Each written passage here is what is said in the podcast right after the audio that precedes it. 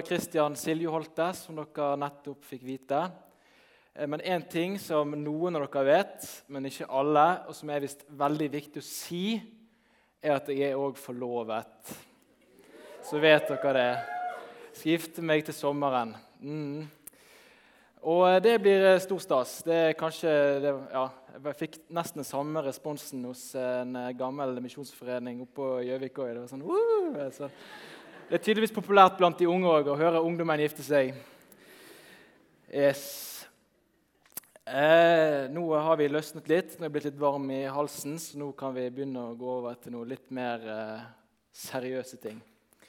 Jeg var i Peru eh, for litt siden, en måneds tid, og så eh, så jeg et sånt påskespill der i påsken, i Arequipa. Eh, og da eh, er jo det selvfølgelig litt peruansk, og sånn, at eh, ikke alt stemmer helt overens. Men det var likevel veldig fint å være med på å få se få litt sånn levende bilder på det som vi leser om i Bibelen i påsken. Og Nå skal jeg bare få opp på skjermen her en liten filmsnutt fra det jeg så.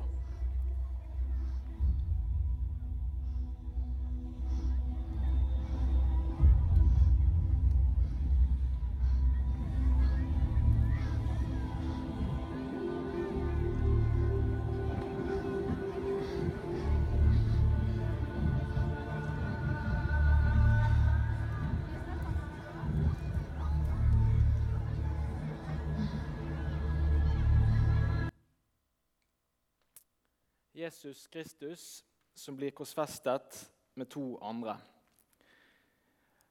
Og Den teksten jeg skal lese nå, den er på en måte veldig ja, Hver gang jeg leser den, så tenker jeg så enkelt, men så vanskelig. For det er altså et menneske der som blir med Jesus til paradis. Av, eh, han har ikke levd et liv som sto i stil i forhold til kristen etikk og kristne verdier. Men likevel så kommer han til himmelen. Og hvorfor det? Og så er det en annen som henger på andre siden, like nærme Jesus. Men han fikk et helt annet utfall. Jeg skal lese fra Lukas 23 og vers 32 til 43. Også to andre forbrytere ble ført bort for å bli henrettet sammen med ham. Og Da de kom til det stedet som heter Hodeskallen, korsfestet de både ham og forbryterne der. Den ene på høyre side av ham og den andre på venstre. Men Jesus sa, 'Far, tilgi dem, for de vet ikke hva de gjør.' Så kastet de lodd om klærne hans og delte dem mellom seg. Folket sto og så på, men rådsherrene hånte ham. Andre har han frelst, sa de. La ham nå frelse seg selv dersom han er Guds Messias, den utvalgte. Også soldatene hånte ham. De kom og rakte vineddik opp til ham og sa:" Er du jødenes konge, så frels deg selv. For det var satt en innskrift over ham. Dette er jødenes konge. En av forbryterne som hang der, spottet ham også og sa:" Er ikke du Messias? Frels da deg selv og oss. Men den andre irettesatte ham og sa:" Frykter du ikke Gud, enda du har samme dom over deg? For oss er dommen rettferdig. Vi får bare igjen for det vi har gjort. Men han har ikke gjort noe galt. Så sa han, 'Jesus, husk på meg når du kommer i ditt rike.' Jesus svarte, 'Sannelig, jeg sier deg, i dag skal du være med meg i paradis.'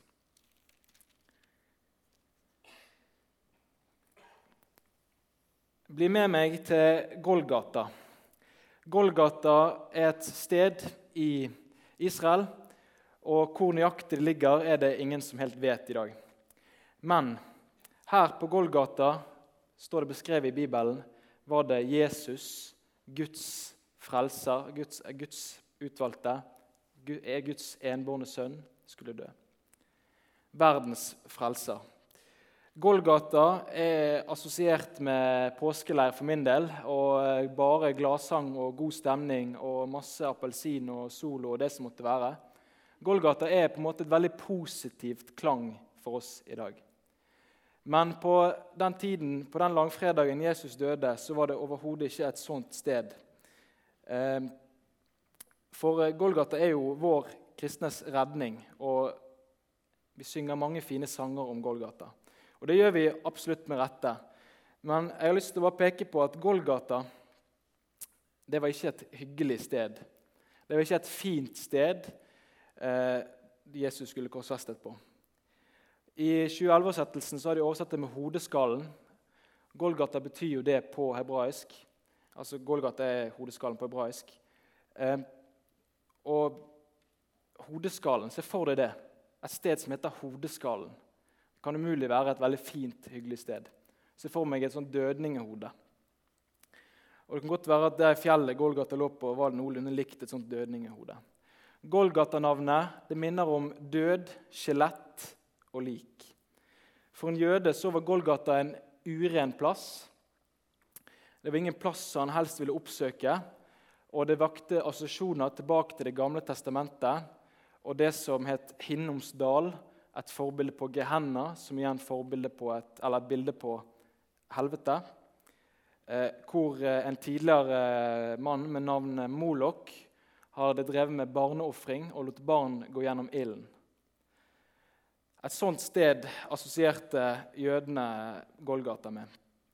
Det sies òg at eh, Hinnomdalen det var der de la masse søppel, brente søppelet, så det ble forbundet med ild og flammer. Og så var det òg en gravplass for de som ikke var verdig til å bli gravlagt i byen Jerusalem. Et sånt sted var det Jesus ble korsfestet. Et, ikke et hyggelig sted på ingen måte. Og det sies at eh, det òg lå rester, skjelett og rester, etter eh, tidligere korsfestelser på denne høyden. Og Så blir altså Jesus korsfestet på et kors her, og det korset er jo òg i dag et sånt kjempefint symbol for oss kristne. Vi har det rundt halsen vår, og vi har det ofte i kirker, bedehus, så henger det et kors. Og et kors er ikke et noe sted Et positiv, positiv klang, det heller. Kors var romersk torturmiddel. Eh, verste i sin tid. Eh, du kan jo se for deg at Vi kristne hadde gått ut med en galge eller en elektrisk stol. Men vi ga oss rundt med et kors. Eh, Jesus han hang på dette korset i seks timer, ca. seks timer. Og han snakket sju ganger. Eh, noen ganger når de ble korsfestet, så ble de knytt fast. Eller eh, de fikk en liten sånn påle så de kunne sitte på. Jesus ble spikret fast til korset. Og Det jeg syns eh, er spesielt, er òg at det var romerske soldater som pisket han først. Som korsfestet han, spikket han fast. Tidligere så hadde han mottatt 30 piskeslag fra eh, romerske soldater. Og Hvis ikke romerske soldater gjorde jobben sin skikkelig, ja, så kunne de risikere å få dødsdommen sjøl.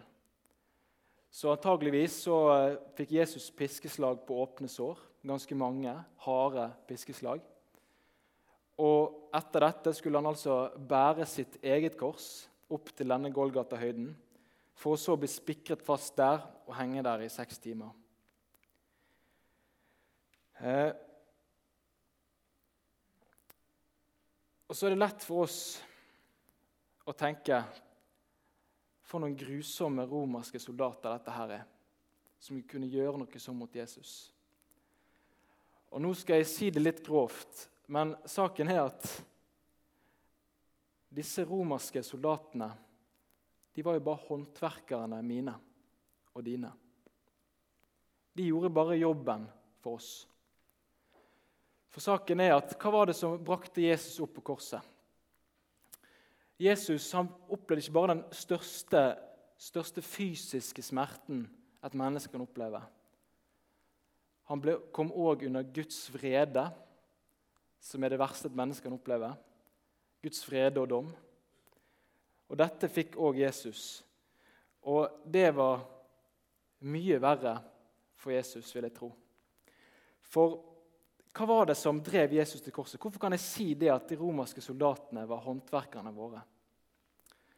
Jo, for i Getsemane så fikk Jesus et beger.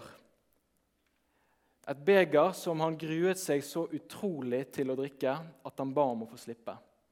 Et beger som var så grufullt at han ble grepet av dødsangst, og svetten rant som blod.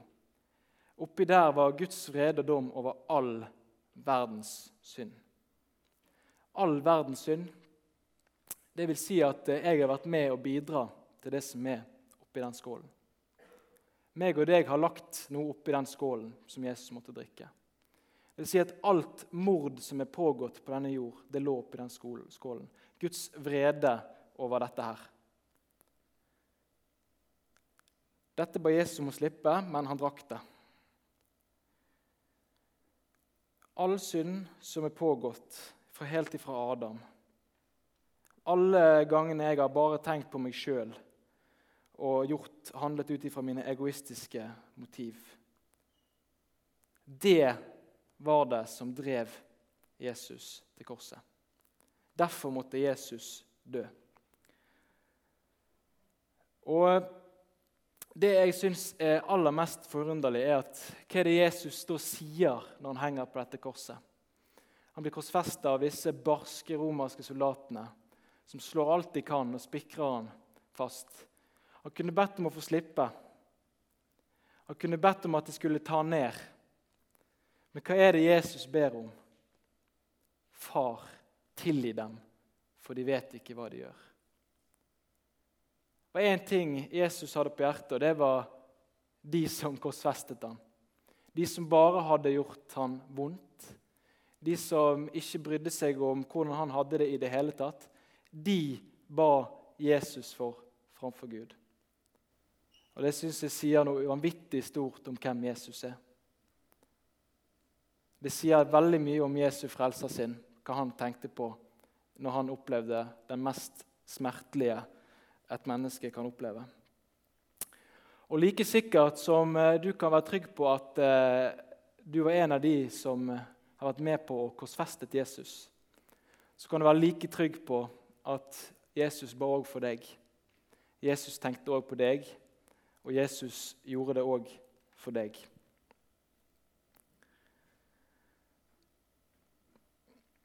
Og så vet vi det at Jesus han var ikke alene der oppe. Det var to røvere som hang ved siden av han.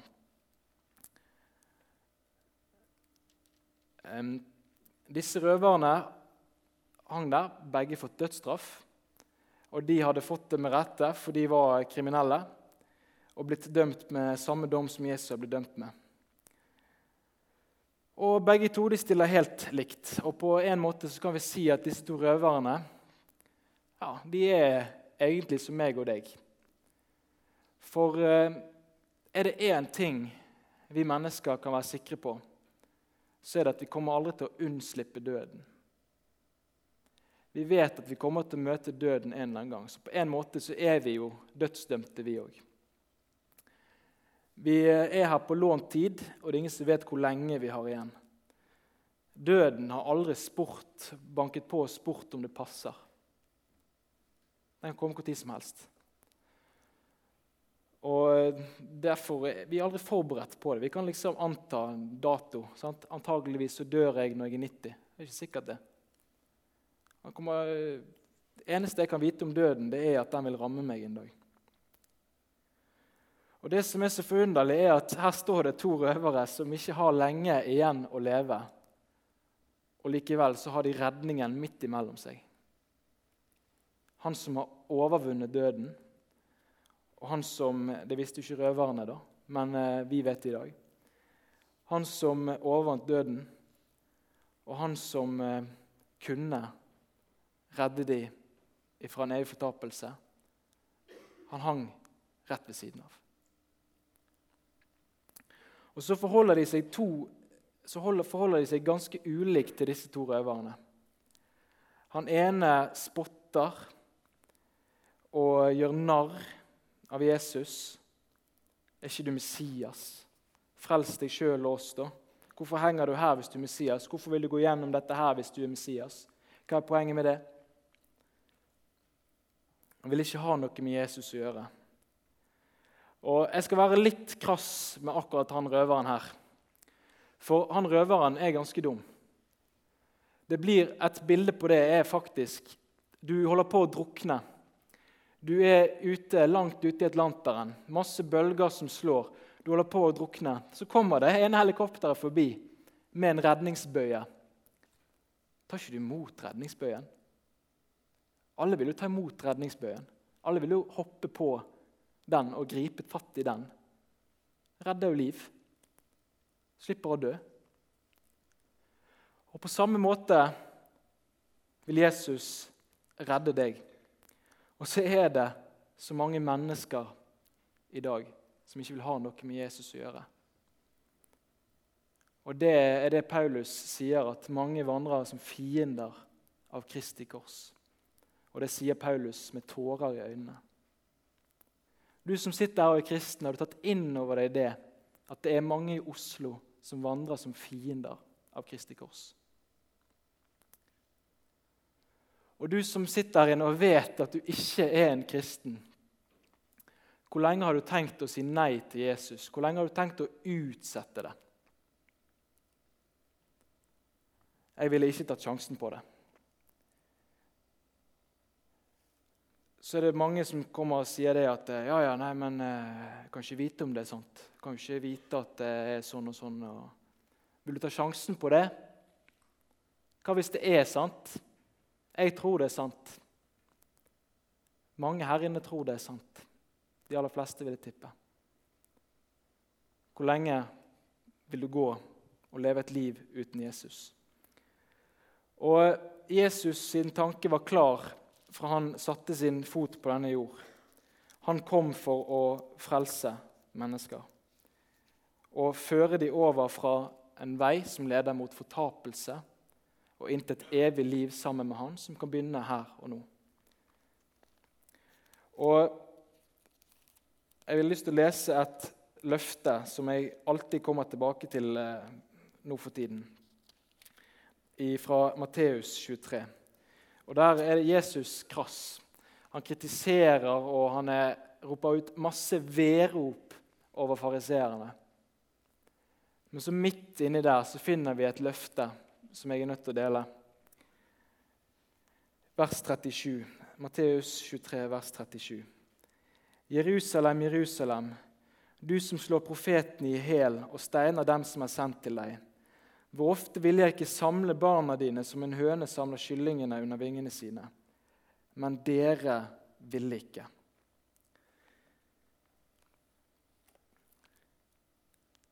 Jesus bruker bildet om seg sjøl som en hønemor som vil samle kyllingene sine under sine vinger. Utenfor, eh, Hvis en ørn kommer, da, så er du ganske utrygg som kylling hvis du løper utenfor vingene. Men under Jesu vinge der er du trygg. Der kan ikke ørn røre deg. Og Jeg leste en historie på Internett om eh, en gård som hadde brent ned. Og Så hadde de vært inne i hønsehudet sitt, helt totalt nedbrent.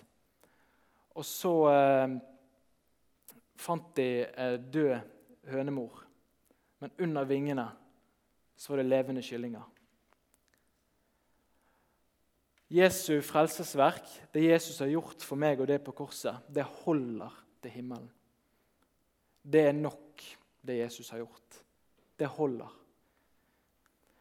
Og når dommen kommer, så kan du vite at under Jesu vinge så er du helt trygg. Helt trygg. Der er det ingen som kan røre deg. Og så var det da, ja, så sier Jesus, men dere ville ikke. Og så er det en annen røver der på korset som får bli med Jesus til paradis. Så enkelt, men så vanskelig. Han hadde fått akkurat samme dødsdommen, men fikk et evig liv. Og så er det, tenker mange ja, men det blir jo for dumt. Altså, her har jeg gått og motarbeida Gud hele mitt liv, og så skal jeg plutselig bli en kristen. Ja, Det kan du. Kanskje har du venner og familie som vil protestere, men det er verdt det. Jesus er verdt å følge. Du får et evig liv i gave. Og et evig liv er atskillig mye lenger enn de årene du får her på jord. Og det er atskillig mye bedre enn det motsatte. En evig pine der intet godt skal være. Et liv uten Gud for alltid.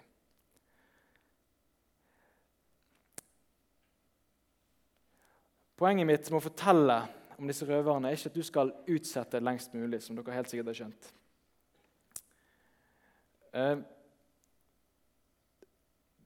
Denne bibelfortellingen her står bare én plass. altså Vi finner ikke noen flere fortellinger der folk bare vender om i siste liten og blir kristen.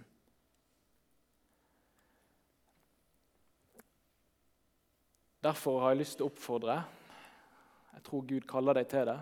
Ta imot Jesus i dag. I 1. Peters brev 2, 24, så står det på sin egen kropp bar han våre synder opp på treet, så vi skulle dø bort fra synden og leve for rettferdigheten. Ved hans sår ble dere helbredet. Og Da siterer Peter Jesaja 53. Jesus har tatt alt som har gått galt for deg, naglet det til korset, og skyldbrevet som vi alle hadde, er nå borte. Borte vekk. Og eh, Da står det òg i brevbrevet i dag, når dere hører hans røst, så gjør ikke hjertene deres harde.